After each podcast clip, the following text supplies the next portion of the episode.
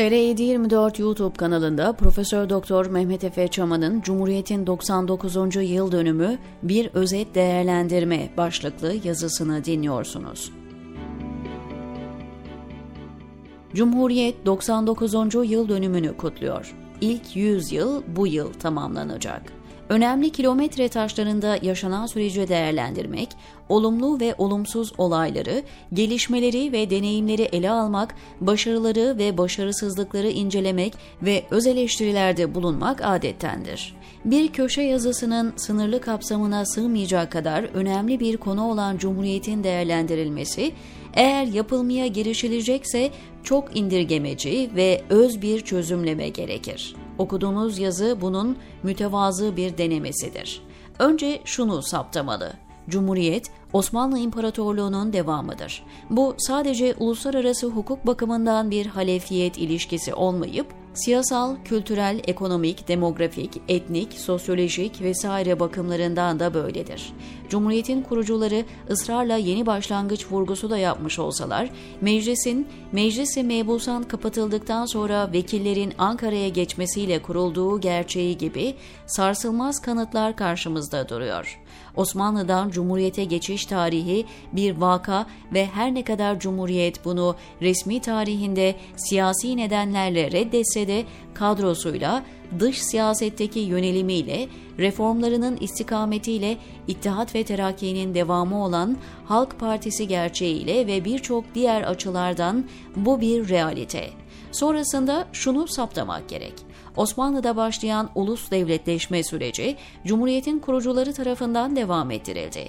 İttihat ve Terakki, Osmanlıcılık ve İslamcılık aidiyetlerinin tutmayacağının anlaşılmasından sonra elde kalan Memaliki Osmani'den kalan topraklar üzerinde Türk ulusunu temel alan bir ulus devletleşmeye yönelmişti. Seçilen ulus kimliği sivik değil, etnik oldu. Coğrafi aidiyete değil, ırksal temelleri atıfta bulundu. Bu nedenle Osmanlı'nın son dönemlerinde iki siyaset güdüldü. Homojenleştirme ve Türkleştirme. Ermeni soykırımı, Rum soykırımı, Süryani soykırımı gibi katliamların amacı özellikle merkez kabul edilen Anadolu'da etnik temizlik yapmak, gayrimüslim etnisiteleri mümkün olduğunca periferiye deporte etmekti.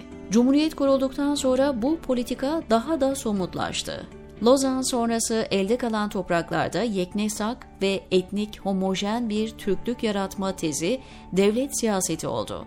Anadolu Rumlarından geride kalanların Yunanistan'la mübadele antlaşması yapılarak Anadolu'dan deporte edilmesi ve yerlerine Balkanlardan Türkofon nüfus alınması gibi açık sosyal mühendislik politikaları bu devlet politikasının istikametini göstermektedir. Böylece ilerleyen yıllarda neler yapılacağı da büyük oranda belirlenmiş oluyordu.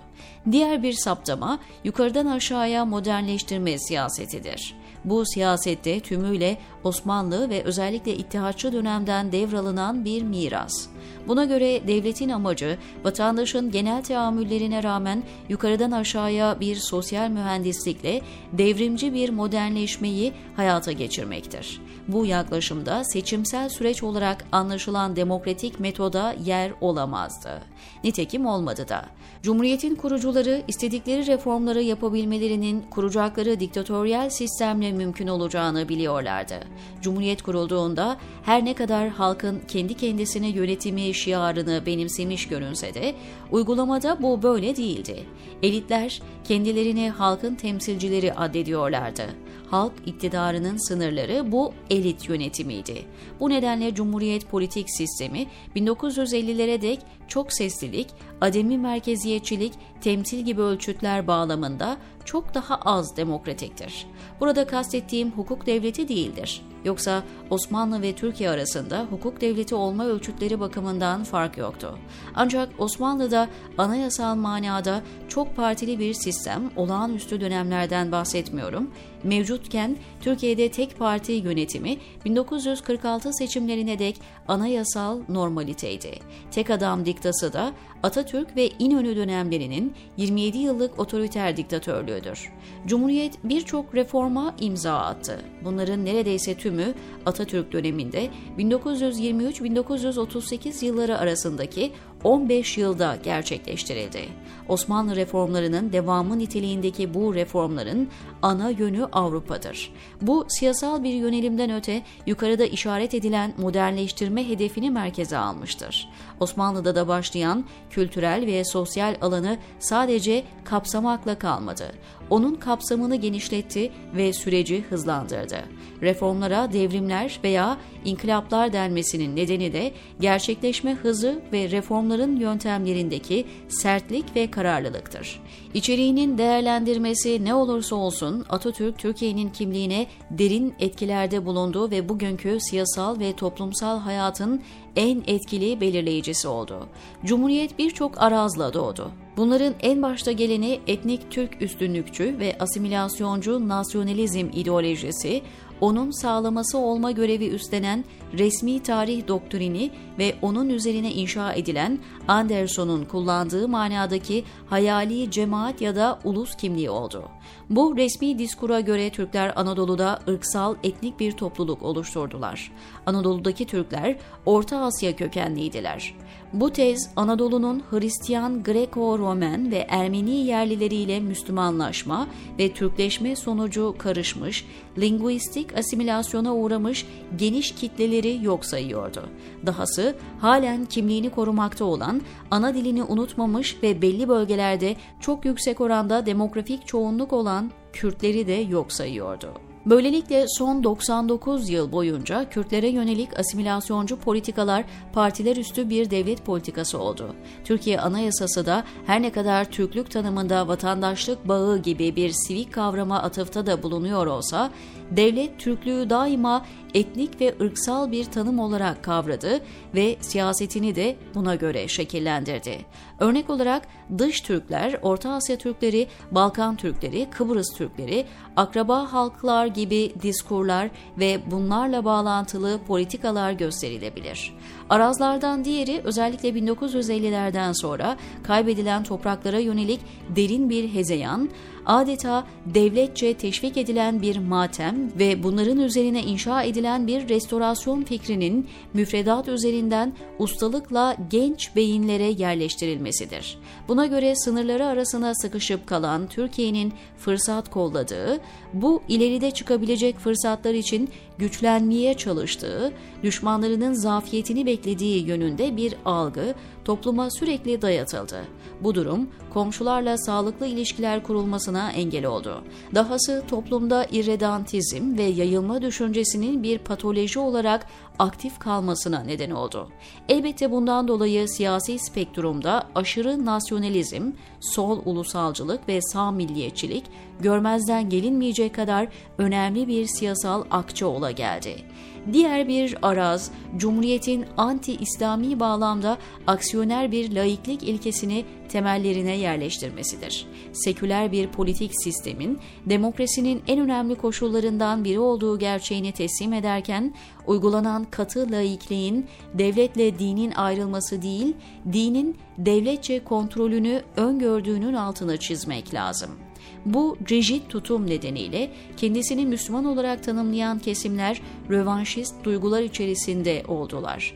Cumhuriyet rejiminden ve sekülerizmden nefret ederek uzun süre savunmada kaldılar. Sonuçta 1950'lerden itibaren çok partili sistem üzerinden giderek artan oranlarda siyasette daha fazla etkinlik kazandılar. Milli Görüş ve AKP gibi örneklerde bu akımların yükselişinin bir etki tepki ilişkisinde gerçekleştiğini tespit etmek gerekiyor. Oysa bu mesele çok daha iyi yönetilebilirdi. Cumhuriyet bu kitlelerin sisteme entegrasyonunu çok erken dönemlerde sağlayabilir, daha işlevsel ve insani bir sekülerizmi hayata geçirebilirdi. Bugünkü otoriter İslamcılık akımıyla Cumhuriyet'in kuruluş dönemlerinden itibaren yapılan yanlışlar arasında korelasyon olduğunu görmemek için kör olmak lazımdır. Son olarak Cumhuriyet'in en büyük eksikliği hukuk devletini, insan haklarını ve çoğulcu demokratik sistemi bünyesine alamamasıdır. Otoriter bir sistem olarak doğmuş olması bir tür doğum hatası olarak kabul edilse de 1950'lerden itibaren özellikle Batı askeri ve ekonomik sistemine dahil olduktan sonra hukuk devletinin, insan haklarının ve çoğulcu demokrasinin sağlıklı olarak tesis edilememesinin özrü yoktur. Bu konunun sosyolojik ve siyasi kültürle bağlantılı çözümlemeleri gerekiyor. Bu saydıklarım en temel sorunlardır. Bunların dışında çok sayıda faktör, olay, olgu, siyasi karar ve diğer etmenler Cumhuriyet'in demokratikleşememesinde rol oynadı. Dediğim gibi bu yazının kapsamı çok dar ve tüm faktörlere değinmek olanaksız. Her şeye karşın 99 yıl önce kurulan Cumhuriyet'in yıl dönümünü anmak, onun hukuk devletine dönüşmesini ve demokratikleşmesini dilemek ve savunmak kaydıyla ve bu meselelerdeki haklı endişe ve rezervleri baki tutmak koşuluyla gereklidir. Demokrasiyle taçlanmış ve hukuk devleti haline gelmiş bir cumhuriyetin 100. yılını kutlamak gibi bir umudu buradan ifade etmek ne kadar ütopik ve hayalperest bir dilek gibi görünse de olması gerekenin vurgulanması bağlamında bu dileğin bu yazı vesilesiyle kayda geçmesinin önemli olduğunu düşünüyorum. Umudumuz son 10 yıldaki gerilemenin sorumlularının iktidardan uzaklaşmaları, hukuksuzca takibat altına alınan vatandaşların hukuka ve haklarına kavuşmaları, anayasal düzene geri dönülmesi ve hızla demokratikleşme olmalıdır. Dileğim Türkiye Cumhuriyeti'nin tüm vatandaşlarının insan haklarının saygı gördüğü ve hukuklarının güvencede olduğu bir ortamda insan gibi yaşayabileceği bir devlet olmak için bir yüzyıl daha beklenmemesidir, diyor Mehmet Efe Çaman TR724'deki köşesinde.